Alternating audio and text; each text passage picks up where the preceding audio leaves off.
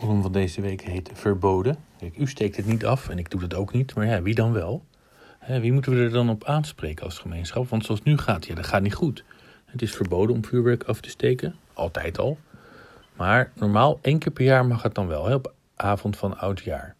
Verder is er altijd toestemming nodig voor vuurwerk of karbiet, maar toch knalt het. Overal en de hele tijd. Het is zelfs nu helemaal een vuurwerkverbod, ook op oudjaarsavond. Kijk, in categorie 1 vuurwerk, dat mag dan nog wel. Hè? Dat is dat kleine vuurwerk, dat mag altijd verkocht en afgestoken.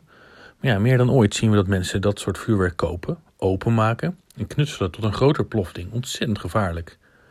Maar nog meer dan ooit horen we grote vuurwerkbommen die zijn gekocht in andere landen. Levensgevaarlijk, omdat het voortijdig kan ontploffen. En al die knallen zijn ook echt super irritant. Kijk, het is echt te gevaarlijk om dit door gemeentelijke handhavers te laten aanpakken.